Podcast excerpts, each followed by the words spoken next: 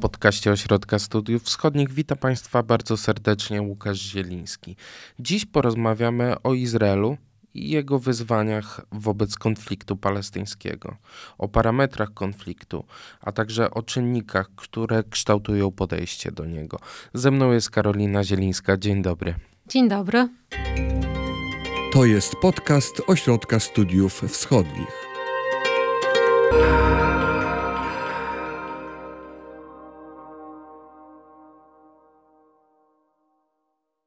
No i zacznijmy może od tego, od kiedy istnieje ten konflikt e, izraelsko-palestyński i na mocy jakich porozumień doprowadził do obecnego stanu rzeczy. Konflikt izraelsko-palestyński można powiedzieć, że wyodrębnił się z szerszego konfliktu izraelsko-arabskiego, który istniał w zasadzie no, można powiedzieć, że od czasu mandatu brytyjskiego w Palestynie, tak, od lat, od lat 20. już można mówić o takim namacalnym konflikcie e, izraelsko-arabskim w związku z planem żydowskim stworzenia swojego narodowego domu właśnie e, w Palestynie powrotu do ziemi Izraela, stworzenia tam państw. E, natomiast w tym, tej odsłonie takiej bardziej powiedziałabym właśnie skoncentrowanej na, na kwestii palestyńskiej, ten konflikt istnieje od lat 70. Wtedy tak bardzo jednoznacznie się wyodrębnił z tego szerszego konfliktu izraelsko-arabskiego.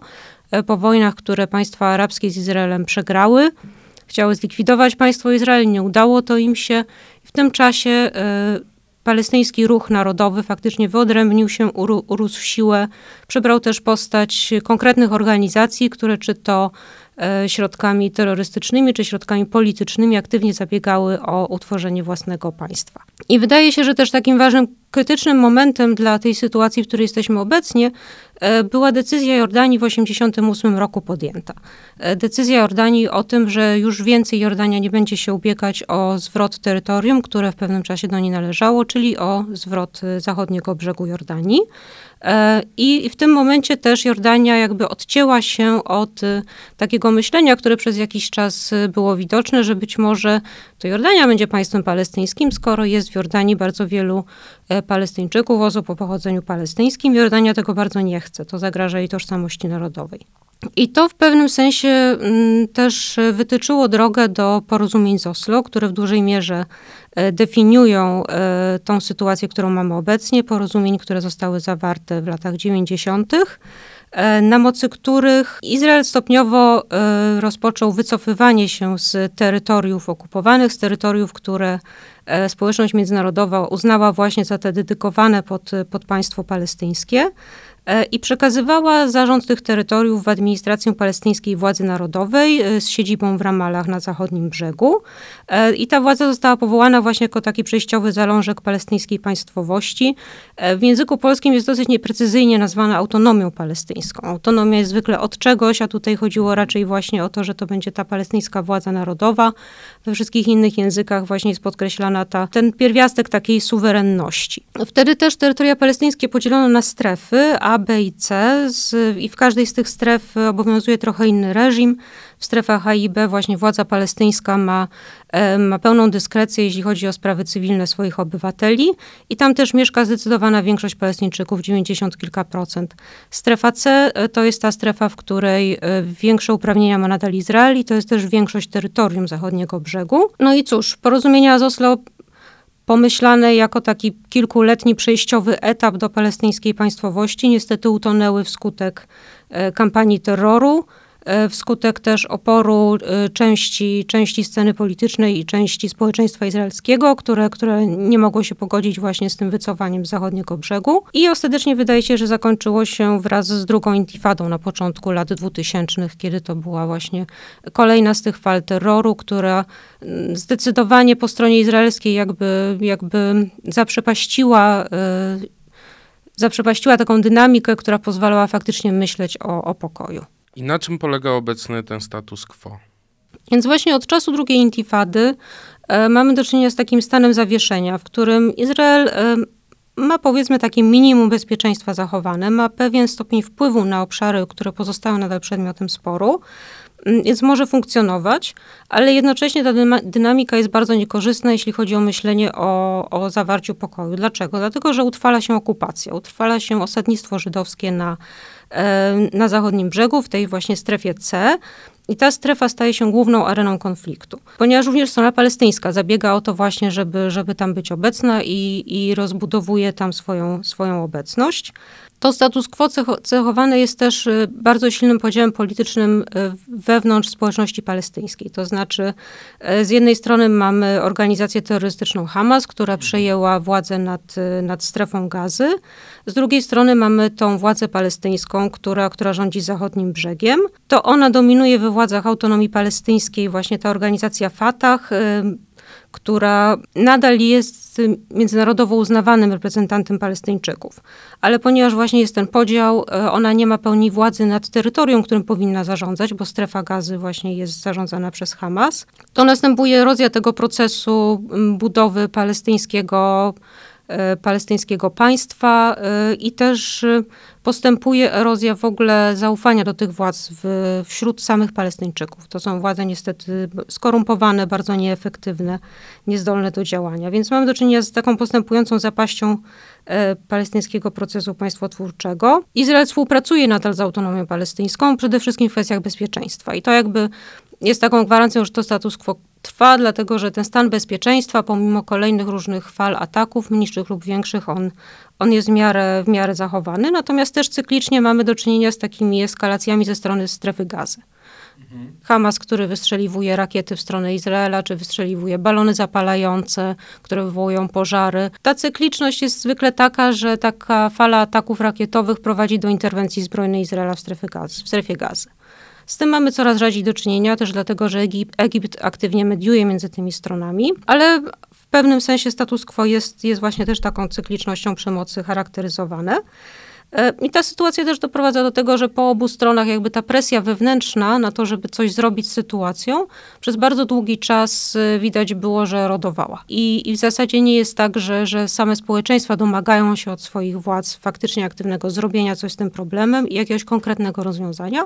Po obu stronach jest spór, jakby to rozwiązać i z tego sporu wynika tak naprawdę, tak naprawdę stan zawieszenia, w którym nikt y, nic nie robi. I, I, jeszcze może taka cecha tego status quo to duża zależność sytuacji od aktorów zewnętrznych, od tego na ile jest presja zewnętrzna, presja ze strony Stanów Zjednoczonych, czy Unii Europejskiej, czy państw arabskich, e, żeby, żeby właśnie jakieś negocjacje e, podejmować. W tej sytuacji jednak też bardzo ważne jest to, że obie strony w dużej mierze myślą tak bardzo jednostronnie. To znaczy, to znaczy Palestyńczycy wychodzą z założenia, że poparcie międzynarodowe dla nich jest niepodważalne w związku z czym też, też działają jednostronnie na rzecz podważania w ogóle legitymacji Izraela do istnienia. Chodzą do, do sądów międzynarodowych, tak słynny proces przed Międzynarodowym Trybunałem Karnym. I, i, i podobnie też jest takie jednostronne myślenie po, po stronie Izraela, to znaczy nie, nie widzi się partnera w tych władzach palestyńskich. W tej chwili to status quo trochę eroduje i, i o tym pewnie za chwilę powiemy. Tą erozję przede wszystkim spowodowała normalizacja relacji między Izraelem a, a kolejnymi państwami arabskimi. Jednocześnie widać, widać, że, że, że Hamas umacnia swoją władzę, autonomia palestyńska jest coraz słabsza i to też doprowadza do tego, że, że ta dynamika status quo, status quo się, się zmienia. Mm. Chyba też przy wsparciu Iranu. Hamas Też przy wsparciu Iranu, tak. I to jest bardzo ciekawy aspekt, dlatego że, że, że właśnie widać, jak dla państw arabskich, y, sunnickich w regionie, to zagrożenie irańskie jest równie ważne co dla Izraela, może w trochę innych wymiarach, ale, ale też bardzo ważne. No i tutaj właśnie, właśnie Hamas, a zwłaszcza islamski dżihad, jako te organizacje popierane przez Iran, mm, to jakby nadaje temu lokalnemu konfliktowi e, taki, taki, taki szerszy wymiar. Też status quo zmienia się, dlatego że w tej chwili w Izraelu jest nowy rząd, bardzo, bardzo specyficzny, bardzo oryginalny rząd e, szerokiej koalicji, który pewne rzeczy stara się robić inaczej.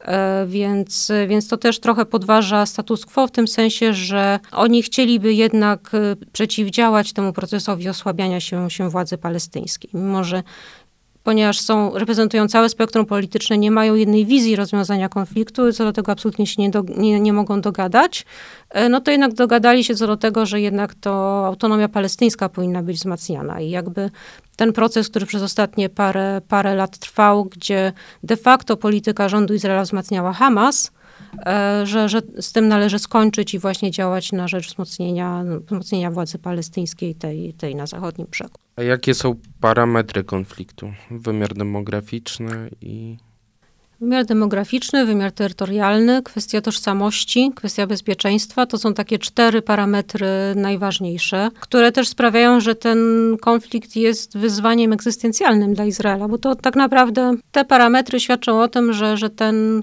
konflikt stawia pod znakiem zapytania kluczowe cechy państwa Izrael jako, jako, jako państwa, jako jednostki e, politycznej. E, zaczynając od terytorium, e, tak jak wspomniałam, przedmiotem tego terytorium co do zasady są, jest terytorium, które wchodziło w skład e, brytyjskiego mandatu Palestyny, który istniał w latach 20., 30. do 48 roku. W listopadzie 47 roku Zgromadzenie Ogólne ONZ zdecydowało, że to terytorium należy podzielić należy utworzyć dwa państwa, jedno państwo dla narodu żydowskiego, drugie, drugie państwo dla, dla narodu arabskiego. E, ten naród jeszcze wtedy nie był w tej, tej rezolucji definiowany jako naród palestyński, tylko po prostu ma, ma tam powstać państwo arabskie. Mm, ten plan został odrzucony. E, strona arabska odrzuciła, odrzuciła ten plan, więc to państwo arabskie nie powstało, natomiast Izrael ten plan zaakceptował, ogłosił swoją niepodległość w 1948 roku i został zaatakowany przez koalicję państw arabskich. Mm, I w czasie tej wojny obronnej e, Izrael zdobył jeszcze kolejne terytoria, które na mocy tej rezolucji mu nie przysługiwały. Jednocześnie pozostałe te terytoria, te, które były przeznaczone dla, dla tego państwa arabskiego w cudzysłowie, one zostały zagarnięte przez Jordanię, właśnie zachodni brzeg Jordanu, i przez Egipt, e, strefa gazy. Mm, natomiast e, miasto Jerozolima zostało w trakcie tej wojny podzielone na dwie części. E, wschodnia część dostała się pod władzę jordańską, e, a zachodnia pod władzę izraelską. Mm, I, i, I, taki stan terytorialny trwał aż do wojny w 1967 roku. Generalnie państwa arabskie odmówiły jakichkolwiek negocjacji z Izraelem, więc zasadnicze granice tego państwa no to były granice wyznaczone przez, przez linię zawieszenia broni. Z, właśnie, właśnie e, z tych zawieszeń broni, które były podpisywane w 1948-1949 roku. Natomiast w wojnie 1967 roku to była wojna, w której Izrael bronił się przed, e, e, przed atakiem ze strony Jordanii, natomiast sam był agresorem w cudzysłowie z, w, stronę, w stronę Egiptu, w tym sensie, że zaczął tą wojnę, choć, choć też miał, miał swój kazus belli. Mm, w trakcie tej wojny Izrael zajął strefę gazy i zachodni brzeg Jordanu. I właśnie od tego momentu mówimy o tej okupacji, która, która trwa w mniejszym lub większym wymiarze. E, w 1967 roku również e, Rada Bezpieczeństwa ONZ wydała taką bardzo fundamentalną rezolucję 242, w której wezwała Izrael do wycofania się ze zdobytych terytoriów, jednocześnie wzywając wszystkie strony do wzajemnego uznania swojego prawa do, do, do państwowości, do, do suwerenności, integralności terytorialnej, a więc chodziło też o to, żeby państwa arabskie wreszcie uznały Izrael. Do dzisiaj właśnie w wyniku tego procesu, procesu z Oslo, ale także i jednostronnych swoich decyzji, Izrael wycofał się z całej strefy gazy. Częściowo w ramach właśnie procesu z Oslo, a ostatecznie w 2005 roku wskutek jednostronnej decyzji. Wszystkie osiedla żydowskie, które były w strefie gazy zostały wtedy zlikwidowane, ludność ewakuowana. Natomiast jeśli chodzi o zachodni brzeg, no to, to dzisiaj Izrael opuścił 40% tego terytorium, właśnie te strefy A i B, a 60% tego terytorium zachodniego brzegu, no to jest właśnie strefa, strefa C, mm, którą społeczność międzynarodowa traktuje jako, jako część przyszłego państwa palestyńskiego. E, natomiast no, jest tam bardzo istotny czynnik pod tytułem osadnictwo żydowskie. Mhm to osadnictwo żydowskie, ono odbywa się głównie przy granicy z, z, z Izraelem, czyli jakby tej zielonej linii, tej linii demarkacyjnej, linii zawieszenia broni e, wcześniejszej. E, więc też, e, więc też być może właśnie te bloki osiedli tuż przy granicy, one mogłyby w ramach jakiejś wymiany terytoriów zostać przy Izraelu. Natomiast no, też są osiedla, które są rozsiane po całym zachodnim brzegu, czy też są przy granicy z Jordanią. I tutaj sytuacja jest dużo trudniejsza. Mm. Co istotne, Izrael anektował e, jedno z tych terytoriów, to jest Jerozolimę Wschodnią. Formalnie rozciągnięto tam prawodawstwo cywilne. Reszta tych terytoriów nie jest anektowana przez Izrael, formalnie jest pod zarządem wojskowym. E, I, i, i to też w dużej mierze kształtuje, kształtuje rzeczywistość, e, w tym sensie, że Izrael właśnie też nigdy nie zdecydował, gdzie chciałby mieć te swoje granice. W zasadzie nie było żadnej tego typu deklaracji. Jedno, jednoznaczna deklaracja dotyczy Jerozolimy Wschodniej, bo tutaj była aneksja. Natomiast poza tym takiej deklaracji nie mamy. Jedyną taką deklaracją w cudzysłowie jest, jest y, bariera bezpieczeństwa, czyli taki bardzo wysoki miejscami y, i, i dobrze strzeżony, a miejscami bardzo zaniedbany, a wręcz w ogóle niezbudowany y, mur, który przebiega w dużej mierze przez zachodni brzeg, ale właśnie w taki sposób, że odgranicza od żywiołu palestyńskiego te bloki osiedli. Więc powiedzmy, budowa tego muru była jakąś taką deklaracją, że Izrael chciałby się od tych Palestyńczyków oddzielić w celu zachowania własnego bezpieczeństwa i że powiedzmy plus minus to jest przebieg tej granicy, tak? Ale jest to jedyna taka deklaracja, więc, więc też mamy do czynienia tak naprawdę z Izraelem jako państwem, które tych granic nie ma, nie tylko dlatego, że świat zewnętrzny ich nie uznał, w sensie, w sensie ten, ten żywioł palestyński e, nie uznał tych granic, ale też on sam jakby jednoznacznie nie zadeklarował, że to jest nasz cel terytorialny i, i kropka. Jest to cały czas przedmiot, e, przedmiot sporu. Dobra, to przejdźmy do wymiaru demograficznego mhm. konfliktu. Ten wymiar też jest super istotny, dlatego że z izraelskiego punktu widzenia on wiąże się z odpowiedziami e, na pytania o kompozycję narodowościową państwa i tego, jak, e, jak ta kompozycja narodowościowa będzie, będzie się przekładała na ustrój państwa. Mm, e, w granicach Izraela, tych sprzed wojny 67 roku, w tej chwili mamy 20 jednoprocentową mniejszość arabską. I to są, to są Arabowie, którzy mają obywatelstwo izraelskie i pełnię praw. Mm, natomiast pytanie jest, co będzie w przyszłości. E, dlatego, że tak jak powiedziałam, większość Palestyńczyków żyje mają, w... Mają swoich też przedstawicieli. E, Arabowie izraelscy tak, tak. Tak, jak najbardziej. Od samego początku istnienia państwa partie, partie arabskie są, są w Knesecie e, i mogą brać udział w procesie politycznym. Jeżeli mówimy teraz o tym, co się dzieje na terytoriach palestyńskich, no to tutaj też, tak jak wspomniałam, y, na zachodnim brzegu i strefie gazy, teoretycznie przynajmniej y, panowanie nad, nad, nad, tymi, nad tymi osobami zostało przekazane w ręce palestyńskie. I teraz tak, y, problem polega na przykład na tym, że te strefy a i B podlegające na zachodnim brzegu władzy palestyńskiej. To są takie wyspy, tam gdzie jest jakieś osadnictwo, tam gdzie są miasta, wioski. Pomiędzy nimi jest ta strefa C, w której właśnie działają osadnicy. Więc, więc to bardzo utrudnia Palestyńczykom też budowę jakiejś takiej spójności terytorialnej i, i, i rozwoju swojej państwowości i suwerenności. Wymiar demograficzny to jest pytanie tak naprawdę o to, ile terytorium dostanie się Izraelowi, w cudzysłowie, i ile na tym terytorium będzie tych Arabów. Tak? Znaczy Izrael jest państwem żydowskim stworzonym jako państwo y, narodu żydowskiego i chce mieć w swoich granicach większość żydowską. Ruch osadniczy, który y, zajmuje kolejne terytoria, oznacza, że w ramach tych terytoriów jest więcej właśnie jeszcze mm, żywiołu arabskiego, co grozi tym, że właśnie tą przewagę demograficzną Żydzi we własnym państwie mogą stracić. Mm, do tego dochodzi jeszcze problem uchodźców palestyńskich i ich potomków, to znaczy osób, które w toku kolejnych wojen uciekały z terytorium Izraela i w tej chwili mieszkają albo na terytoriach palestyńskich, albo w innych państwach arabskich. I na przykład Palestyńczycy jednym ze swoich postulatów czynią prawo do powrotu tych wszystkich ludzi nawet jeżeli to było y, w tym 1948 roku, mhm. i wszystkich ich potomków e, na teren Izraela. No i to jest bardzo emocjonalnie oczywiście ważki argument, natomiast w praktyce nie do zrealizowania. I, i, i bezpośrednio zagrażający Izraelowi jako państwu żydowskiemu. Tak? Tych ludzi jest, jest wiele milionów. Więc oczywiście w toku negocjacji było, było powiedziane, że chodziłoby o powrót takiej symbolicznej ilości fakt, być może faktycznie tego pierwszego pokolenia, które faktycznie uciekało, tych ludzi będzie już niewiele, e, a program odszkodowań właśnie dla wszystkich innych, program odszkodowań dla, dla też państw goszczących, e, państw arabskich, czy też dla, dla państwa Nowego Palestyna goszczącego tych uchodźców, tak?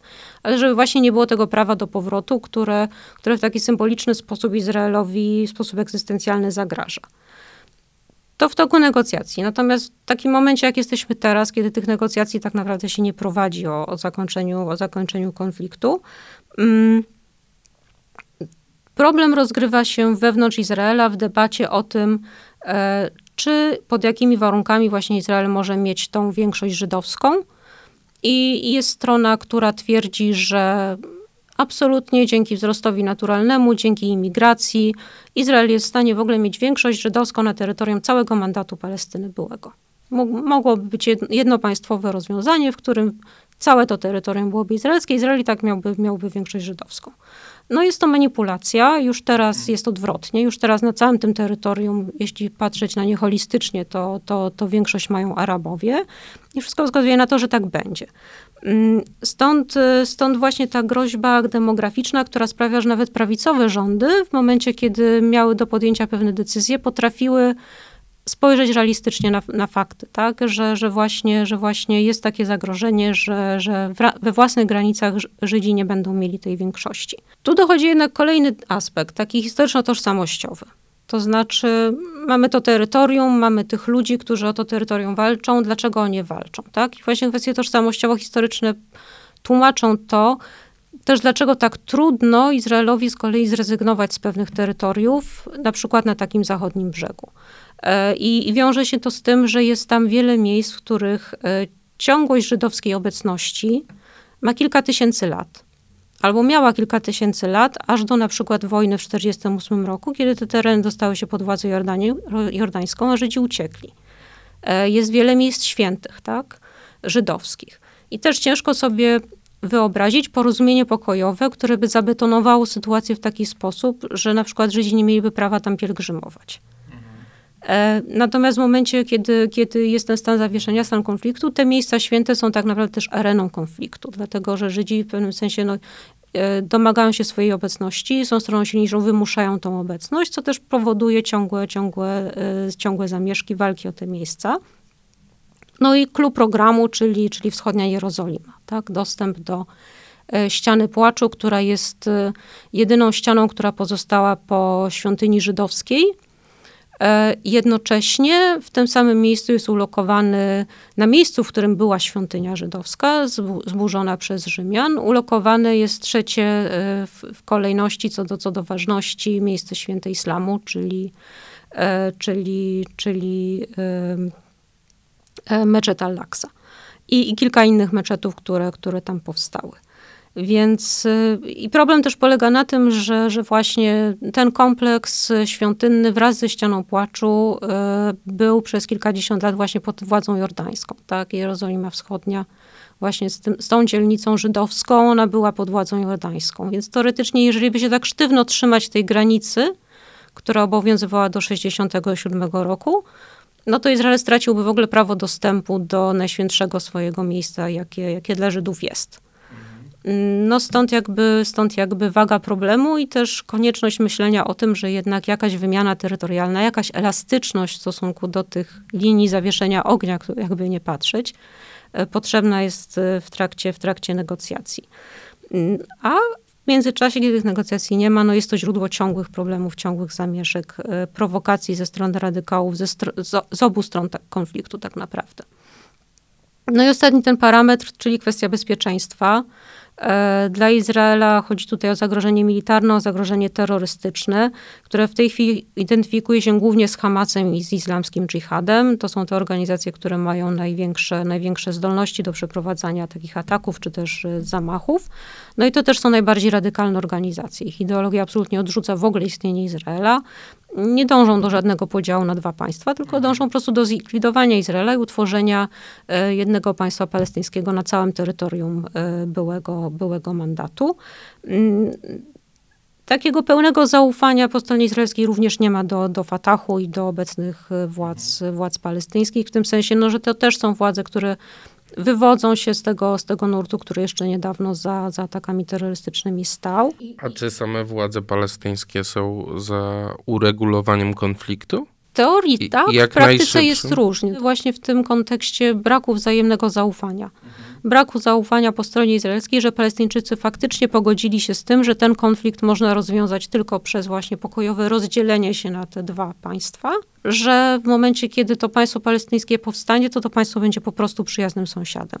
Raczej obawy są takie, że tak jak Izrael wycofał się ze strefy gazy i w tej chwili jest to po pierwsze terytorium klęski humanitarnej, po drugie terytorium, z którego ciągle lecą rakiety e, i podżeganie do przemocy, E, że w momencie, kiedy Izrael wycofa się z zachodniego brzegu, Palestyńczycy nie zbudują tam państwa, które będzie prosperowało i które będzie przyjaznym sąsiadem, tylko właśnie mhm. taki zachodni brzeg stanie się taką strefą gazy. Tak? To, to jest ta obawa fundamentalna, która też, też zamyka w dużej mierze drogę, drogę do negocjacji w tej chwili. A izraelscy Arabowie? Ich podejście? Mm.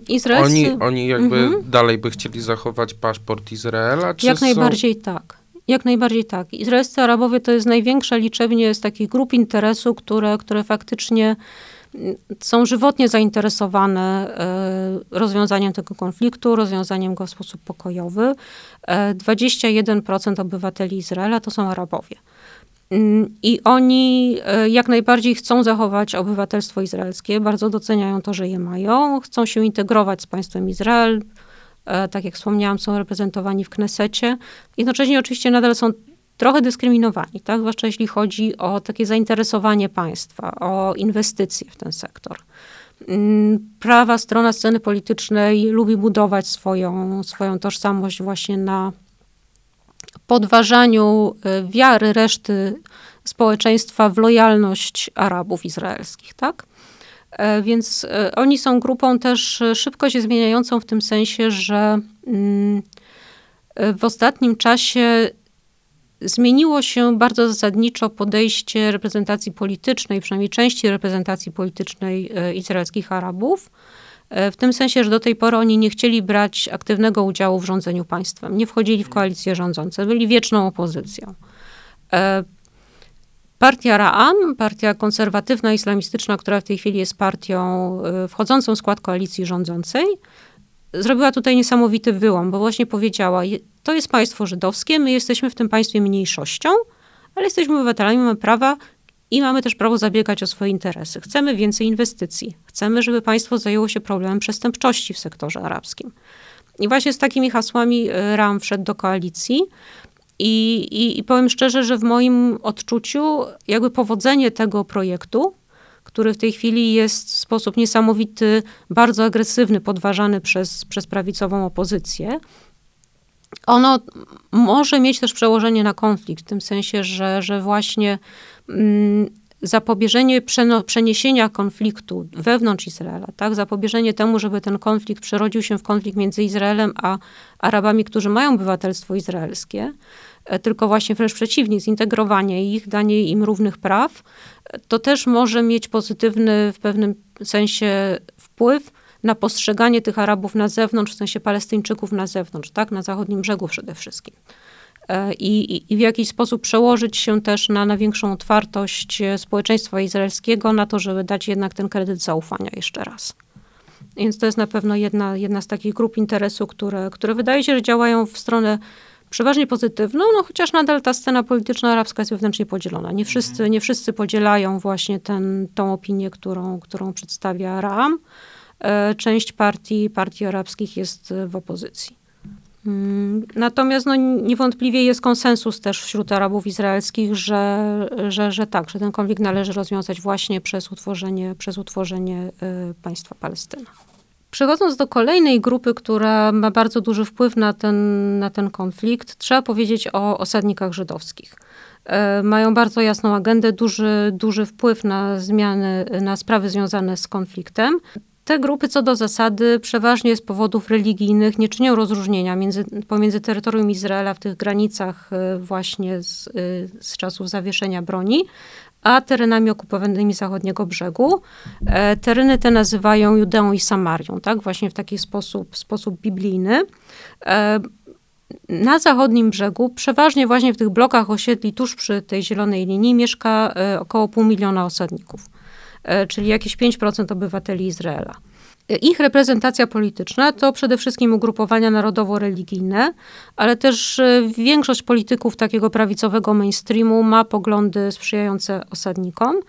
Mm, wśród osadników tak naprawdę można powiedzieć, że chyba nawet większość to są osoby, które nie są jakoś specjalnie zradykalizowane. Po prostu osiedliły się na tym zachodnim brzegu, bo tam było taniej, bo tam było wygodniej, lepsze warunki.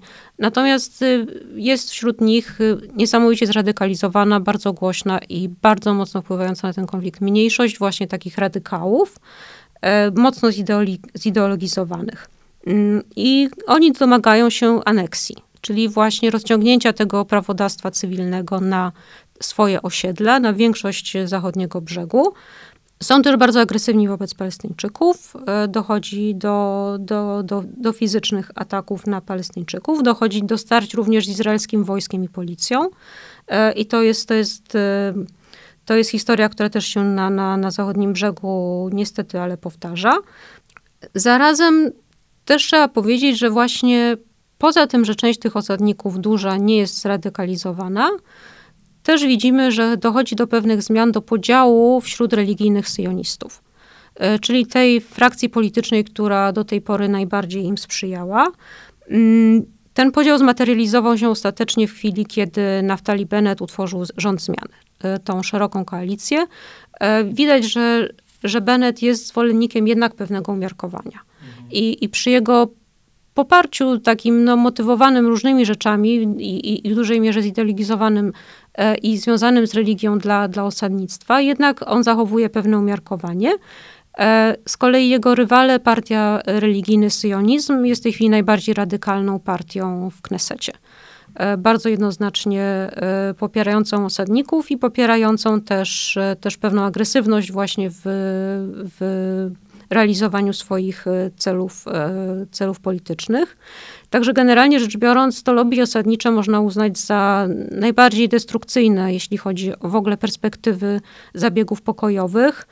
Każda decyzja rządu zezwalająca na rozbudowę osiedli jakby pogłębia ten problem. E, coraz trudniej będzie się z tego wycofywać, coraz więcej ludzi jest na tych terytoriach ciężko będzie się z tych terytoriów po prostu wycofać w mhm. momencie, kiedy trzeba będzie oddać te, te, te terytoria e, państwu palestyńskiemu. Więc, więc jest to lobby, jest to działalność, która zasadniczo działa na, na korzyść e, czynników, które zasadniczo rozwiązania dwupaństwowego nie chcą. Mm. I jest to taka kwestia kluczowa właśnie też dlatego, że, że, że, widać, jak bardzo ona splata w sobie te, te kwestie i terytorium, i tożsamości, zwłaszcza religijnej, e, i, i demografii e, w tej, w tej właśnie walce na, na zachodnim brzegu tych, tych dwóch żywiołów i bezpieczeństwa. W momencie, kiedy osadnicy też stają się w pewnym sensie zagrożeniem dla, dla, dla bezpieczeństwa e, Izraela. I ostatnią taką grupą, o której może trzeba pokrótce powiedzieć, e, to są ultraortodoksi, 12% populacji Izraela, e, czyli, czyli osoby bardzo, bardzo ortodoksyjnie religijne. Oni stanowią jedną trzecią osadników na zachodnim brzegu. E, I generalnie mieszkają w takich dwóch osiedlach, które są tuż przy zielonej linii, więc zasadniczo pewnie nie byłoby tutaj dużego problemu związanego z ich ewakuacją w momencie, kiedy uzgodniono by taką wymianę terytoriów. E, natomiast dla nich fundamentalnym problemem jest kwestia dostępu do miejsc świętych, które, tak jak powiedziałam, są rozsiane po całym zachodnim brzegu. E, w związku z czym e, też ze względu na to, jak dużą rolę polityczną zawsze w Knesecie odgrywają ultraortodoksi, ciężko sobie wyobrazić porozumienie, które nie uwzględniałoby ich interesów właśnie w tym, żeby móc odwiedzić grup jakiegoś cadyka, prawda, albo pomodlić się gdzieś. E, na zachodnim brzegu. Ten dostęp dla nich e, należałoby mieć. Problem teraz właśnie znowu polega na tym, że dynamika jest taka, że, że, że ta grupa bardzo szybko rosnąca właśnie w sensie demograficznym, ona też się coraz bardziej różnicuje. I młode pokolenie ultraortodoksów e, coraz częściej się modernizuje w cudzysłowie, ale ta ich modernizacja to ich wypowiedzenie posłuszeństwa tradycyjnym liderom społeczności, często oznacza to, że głosują właśnie na ten religijny sionizm, czyli na tą najbardziej radykalną, wręcz można powiedzieć rasistowską partię polityczną. Więc to jest jedna rzecz. Druga rzecz to są bardzo napięte relacje między ultraortodoksami a świecką większością społeczeństwa. I tutaj jest jakby taki problem demograficzny wewnątrz Izraela.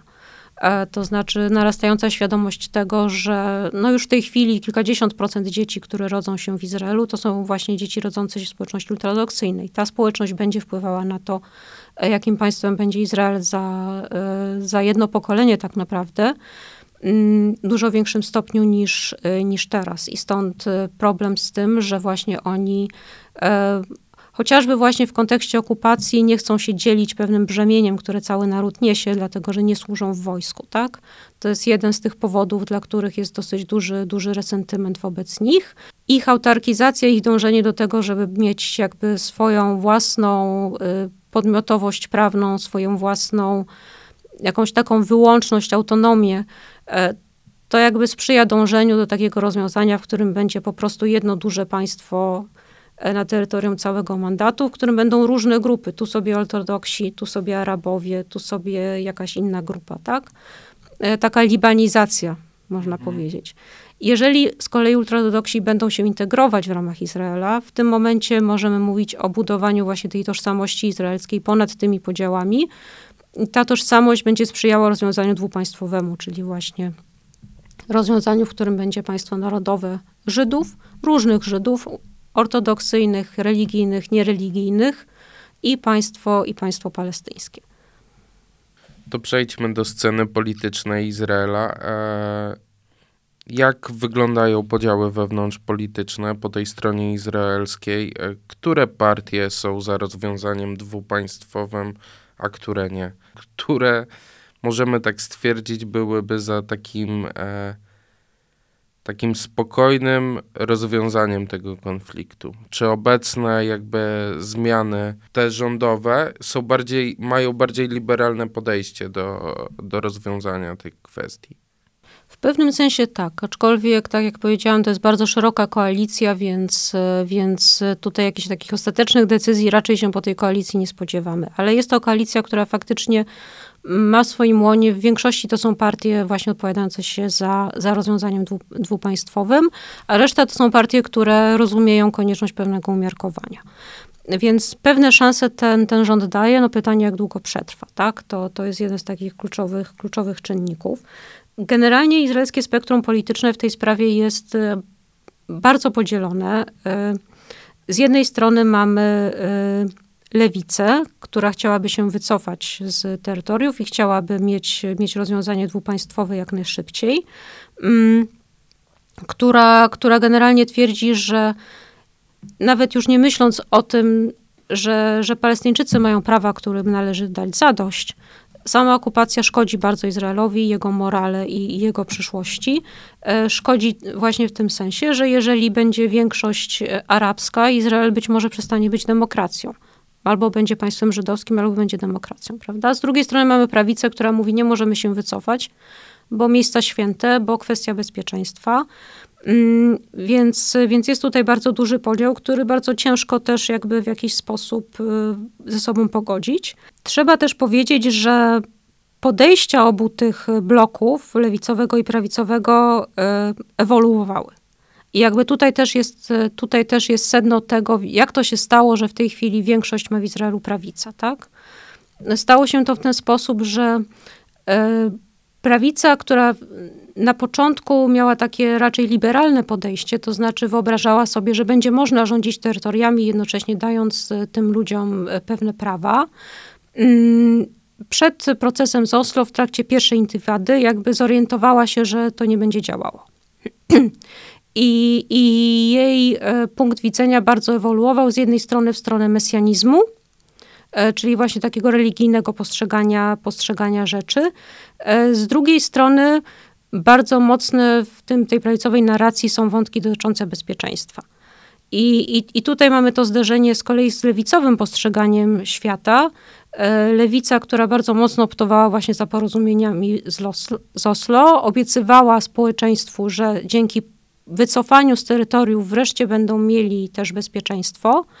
Ona przegrała w, właśnie w trakcie drugiej intifady, bo to okazało się, że właśnie po tym, jak w Camp David Izrael generalnie zadeklarował wycofanie się e, z całości w zasadzie zachodniego brzegu mm, i spełnienie całego, innego, całego szeregu innych postulatów palestyńskich, wybuchła druga intifada. Więc, więc w tym momencie lewica przegrała w sensie takim narracyjnym, dlatego że jej obietnica, że wycofanie z terytoriów da bezpieczeństwo, została tak naprawdę pogrzebana i pogrzebana na długie lata.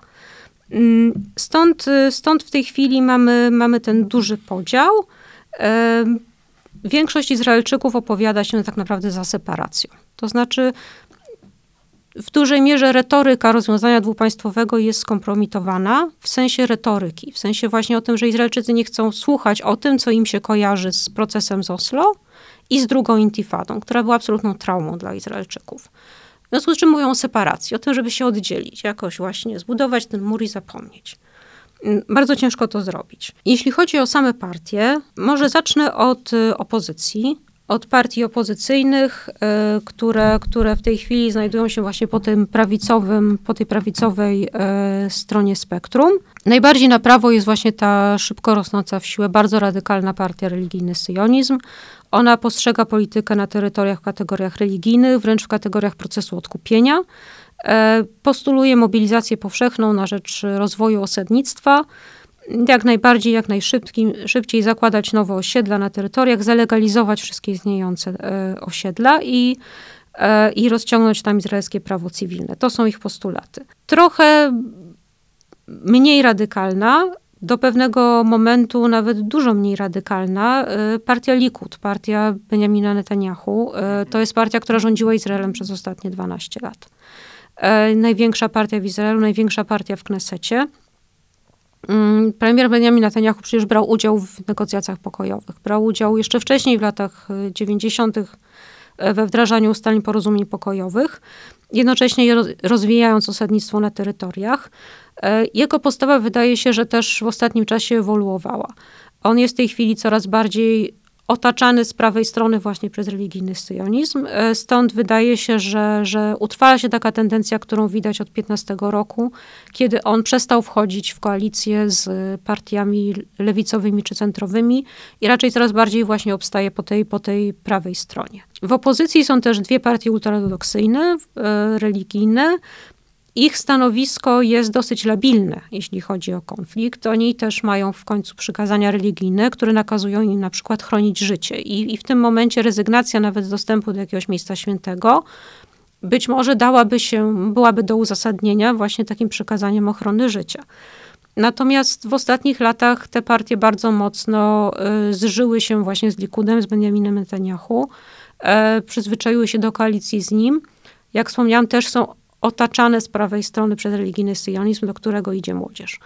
Więc, więc też ciężko się spodziewać po tych partiach, że one bardzo łatwo zmieniłyby zdanie. Raczej, raczej to są te partie, które w tej chwili skłaniają się przeciwko rozmowom e, i, i, i podziałami na, dwie, na dwa państwa.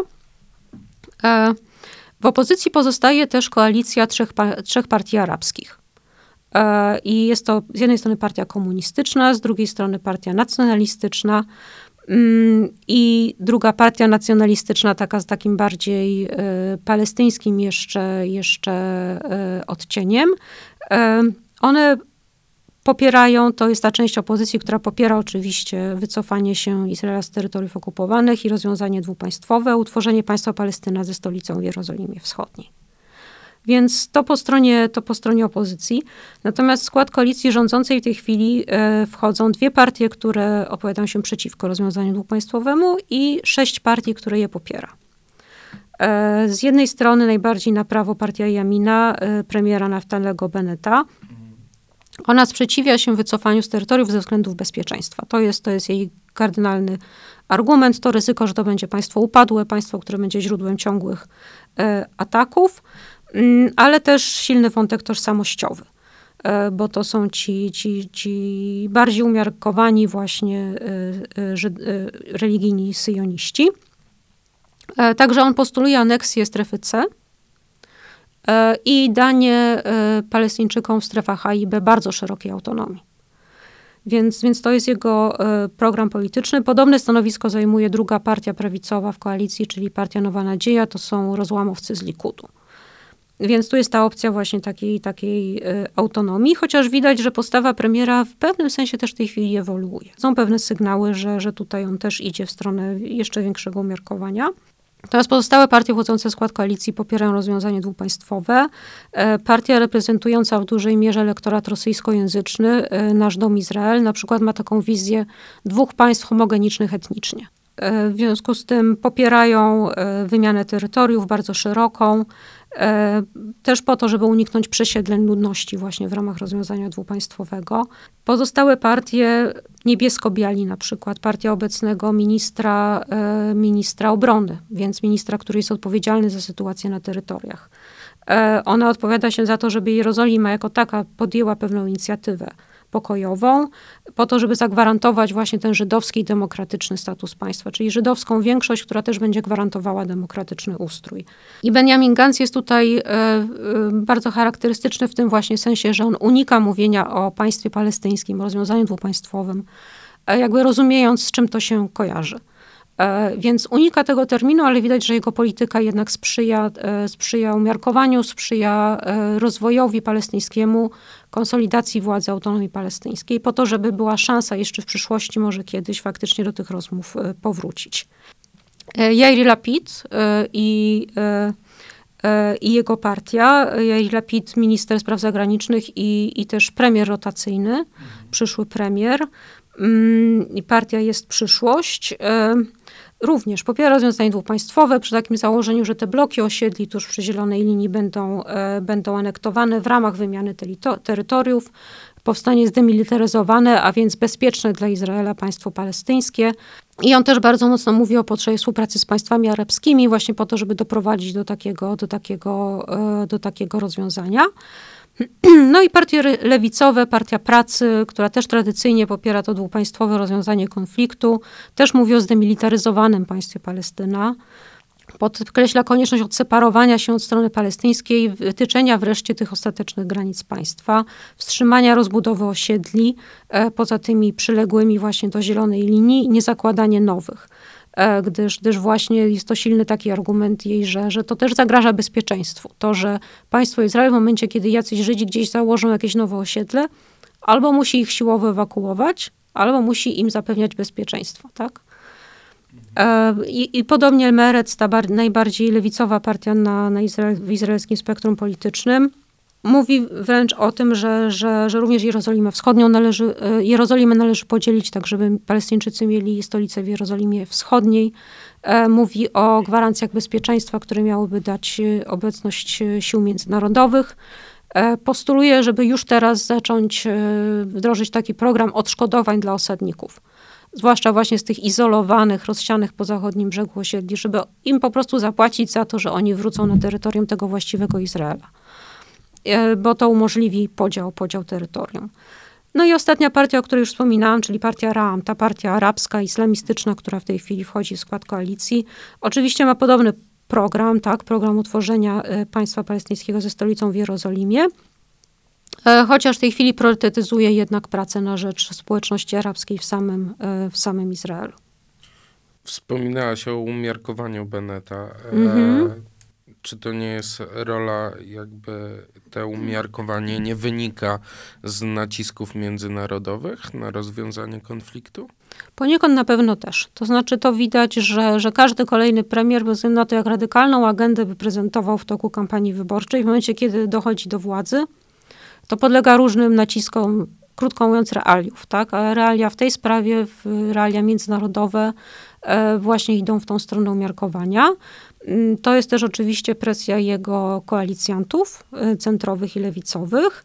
Wydaje się, że to jest też kwestia takiego bardziej ogólnego, powiedziałabym, i charakteru, i, i, i, programu Beneta, który będąc religijnym sionistą, czyli osobą na pewno z bardzo konkretną ideologią, on jednocześnie widzi Izrael jako dom dla wszystkich Żydów. I on absolutnie nie ma problemu z tym, żeby uznać, że w tym Izraelu są Żydzi reformowani, czy Żydzi ateiści, I, i, I, tak samo, I tak samo jeśli chodzi o Arabów, tak?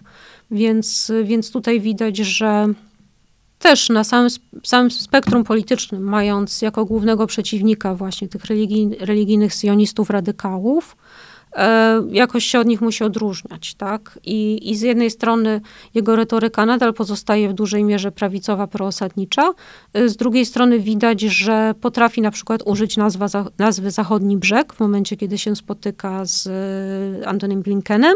Powiedział bardzo wyraźnie Zachodni Brzeg, a nie powiedział Judea i Samaria. I, i, I, kilka innych wypowiedzi, które właśnie, czy, czy jego, czy, czy jego partii, które sugerują, że że faktycznie to myślenie jest trochę inne, tak? że, że on y, y, nie chce utrwalać tego konfliktu, y, że generalnie zgodził się z Lapidem, czyli właśnie tą, tą centrową częścią swojej koalicji, że owszem, nie rozwiążemy tego konfliktu za naszej kadencji, ale co możemy zrobić pozytywnego?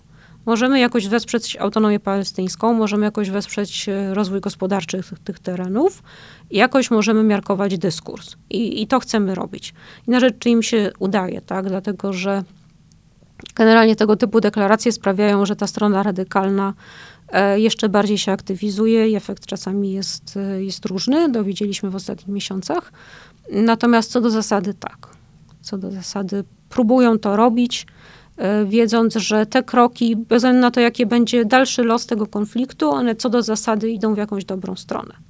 Pozwalają, pozwalają jakoś tym konfliktem jeszcze przez chwilę zarządzać, e, dopóki nie ma perspektywy faktycznie jego rozwiązania, no bo też umówmy się, to rozwiązanie zależy nie tylko od strony izraelskiej, zależy również od strony palestyńskiej. A czy sami Palestyńczycy e, chcieliby uregulować ten konflikt? Nie mówię o władzach, nie mówię mhm. teraz o tych skrajnych, e, radykalnych ugrupowaniach, e, tylko o zwykłych Palestyńczykach. To jest bardzo ważne pytanie właśnie dlatego, że władze palestyńskie, czy w strefie gazy, czy na zachodnim brzegu, one nie do końca reprezentują wolę, wolę narodu. Tam od kilkunastu lat nie było wyborów.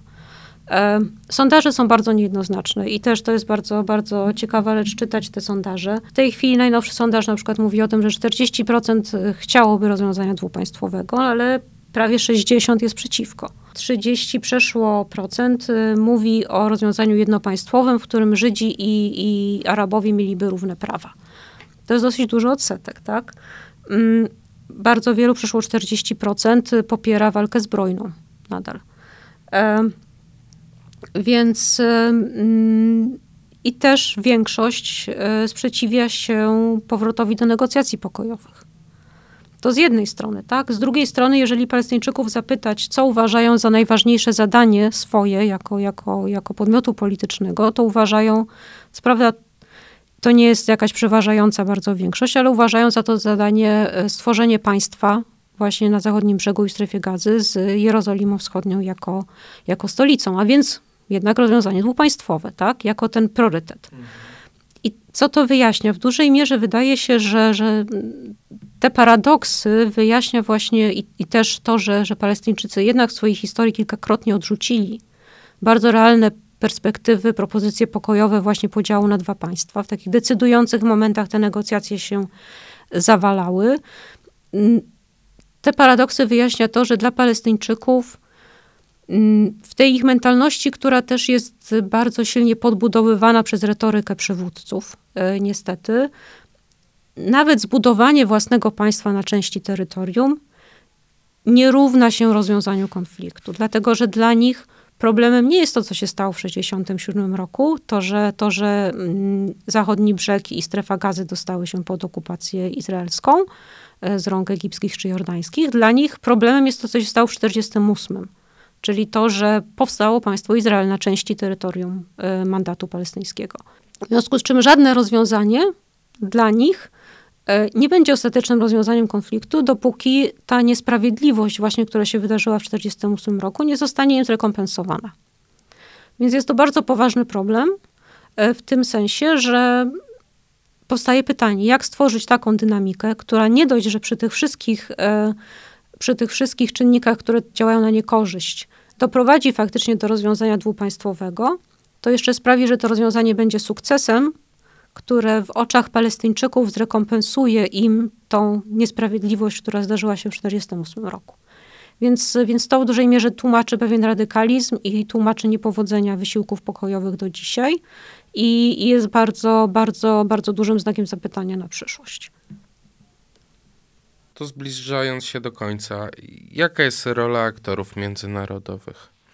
Wydaje się, że ta rola jest kluczowa, bo, bo aktorzy międzynarodowi mogą odegrać taką rolę, która, która zachęci obie strony konfliktu do podjęcia pewnych działań.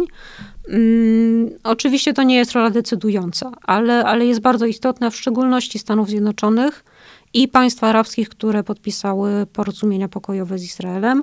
E, Stany Zjednoczone w tej chwili e, pod administracją prezydenta Bidena, one powróciły do takiej tradycyjnej e, wizji forsowanej przez Amerykanów, jeśli chodzi o ten konflikt, czyli negatywny stosunek do rozwoju osiedli żydowskich, potrzeba rozwiązania dwupaństwowego, potrzeba przynajmniej na tym etapie niepogłębiania tych negatywnych tendencji związanych ze status quo. Czyli właśnie oni oczekują, Amerykanie oczekują od y, Izraelczyków, że nie będą rozbudowywać osiedli, ale na przykład od Palestyńczyków oczekują, że trochę stonują swoją retorykę i podżeganie do, do, do przemocy, że na przykład zaprzestaną finansowania y, terrorystów i rodzin terrorystów, którym wypłacane są sowite stypendia w tej chwili. Więc mają swoje oczekiwania wobec stron konfliktu, natomiast Amerykanie w tej chwili też nie mają jakiejś takiej jednoznacznej wizji, czy też woli politycznej, żeby, żeby faktycznie jakąś nową inicjatywę pokojową wystosować. Chcieliby skorzystać z nowej dynamiki, którą przyniosła normalizacja relacji Izraela z kolejnymi państwami arabskimi.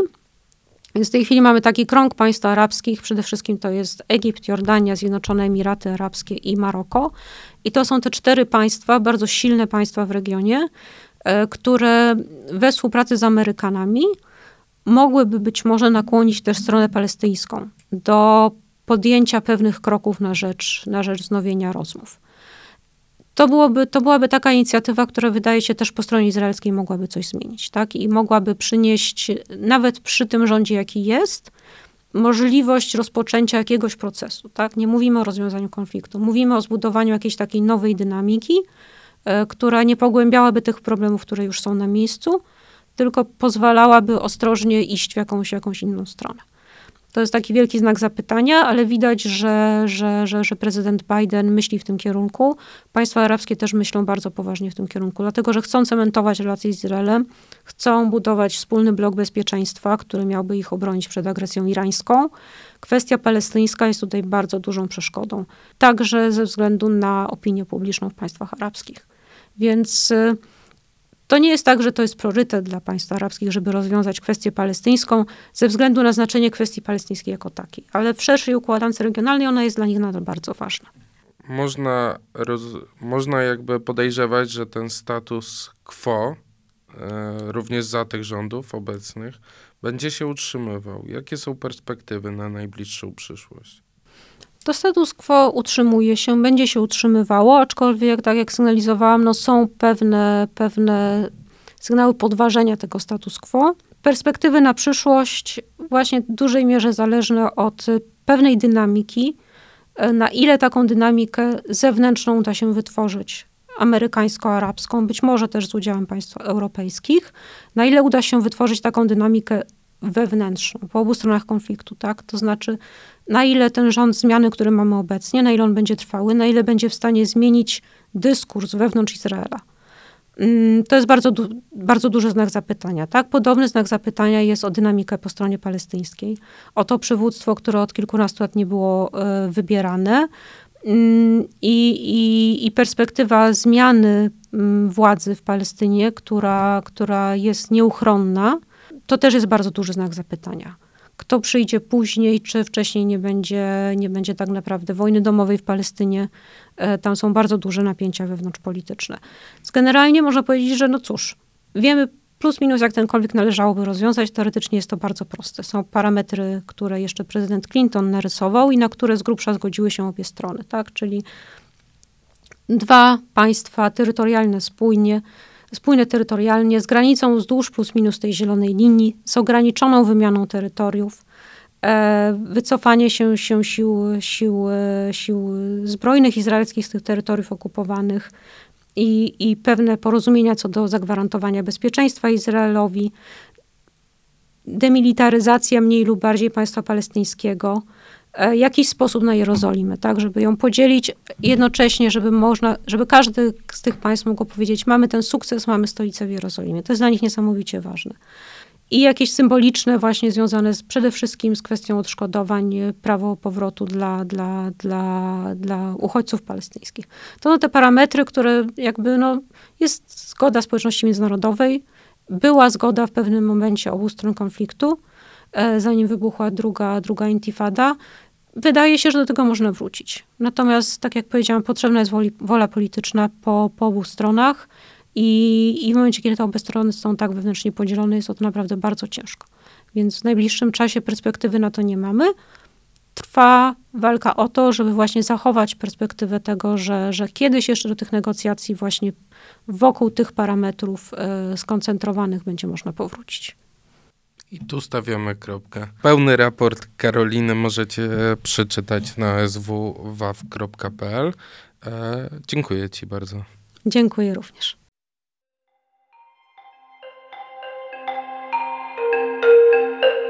Wysłuchali Państwo podcastu Ośrodka Studiów Wschodnich. Więcej nagrań można znaleźć na stronie www.osw.waw.pl.